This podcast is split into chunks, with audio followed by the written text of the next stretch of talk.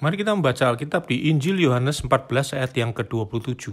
Damai sejahtera kutinggalkan bagimu, damai sejahtera ku kuberikan kepadamu, dan apa yang kuberikan tidak seperti yang diberikan oleh dunia kepadamu.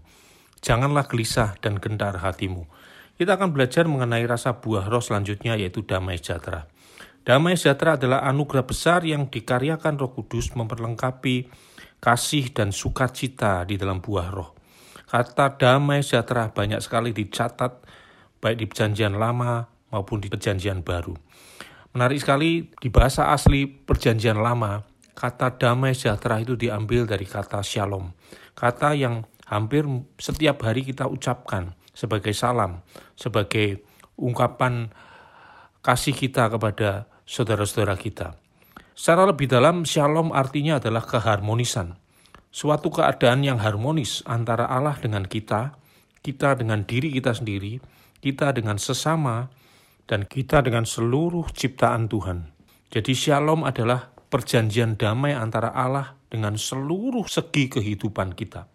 Dan hubungan itu didasarkan kepada kebenaran dan keadilan. Damai sejahtera adalah inisiatif atau kehendak Allah di dalam anugerahnya.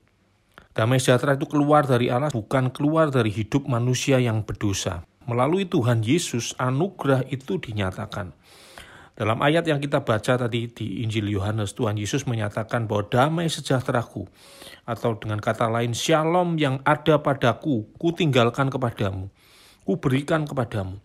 Tuhan Yesus menjadi pendamai antara kita dengan surga.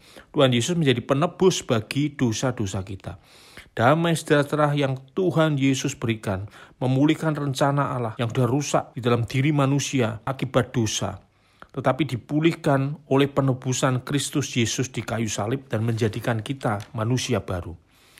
Nabi Yesaya sebagai seorang nabi yang paling banyak menulis tentang damai sejahtera. Di salah satu ayatnya, Nabi Yesaya mengatakan, Tuhan, engkaulah yang menyediakan damai sejahtera bagi kami.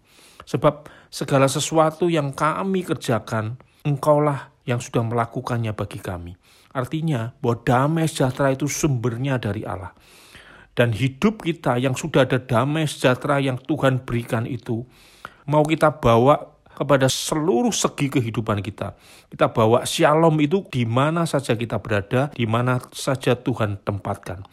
Damai sejahtera yang Tuhan berikan tidak seperti yang dunia berikan. Damai sejahtera yang diberikan oleh dunia sangat tergantung sekali dengan situasi, dengan kondisi. Segala sesuatunya diukur dengan hal-hal materialisme dan kesenangan sesaat. Itu ciri dari damai sejahtera yang dari dunia, yang bisa hilang sewaktu-waktu. Tetapi damai sejahtera dari Tuhan itu lahir dari kebenaran firman Tuhan. Di mana ada kebenaran, di situ akan tumbuh damai sejahtera. Dan akibatnya adalah ketenangan dan ketentraman selama-lamanya kebenaran firman Tuhan yang menjadi dasar bahwa damai sejahtera itu dari Allah adalah Tuhan menghadapkan wajahnya kepada kita, memberikan kita damai sejahtera.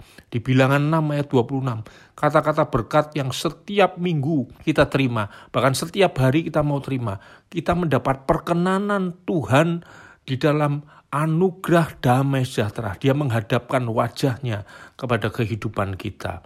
Dan damai sejahtera yang diberikan oleh Tuhan itu melampaui segala akal dan memelihara hati dan pikiran kita, melampaui segala alasan, melampaui segala hal-hal yang tidak bisa kita pikirkan.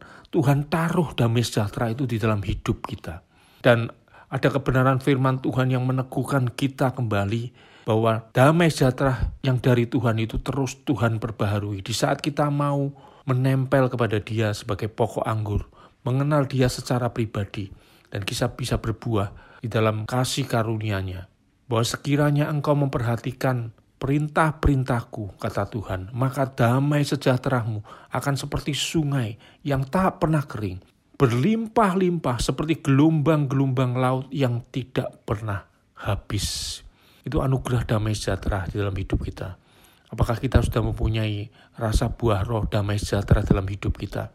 damai sejahtera yang dari Allah biar memerintah di dalam hati dan pikiran kita dan kita ekspresikan di dalam segala kehidupan dan segi kehidupan kita kita bawa shalom itu dalam seluruh segi kehidupan kita Terima kasih Bapak Ibu semua.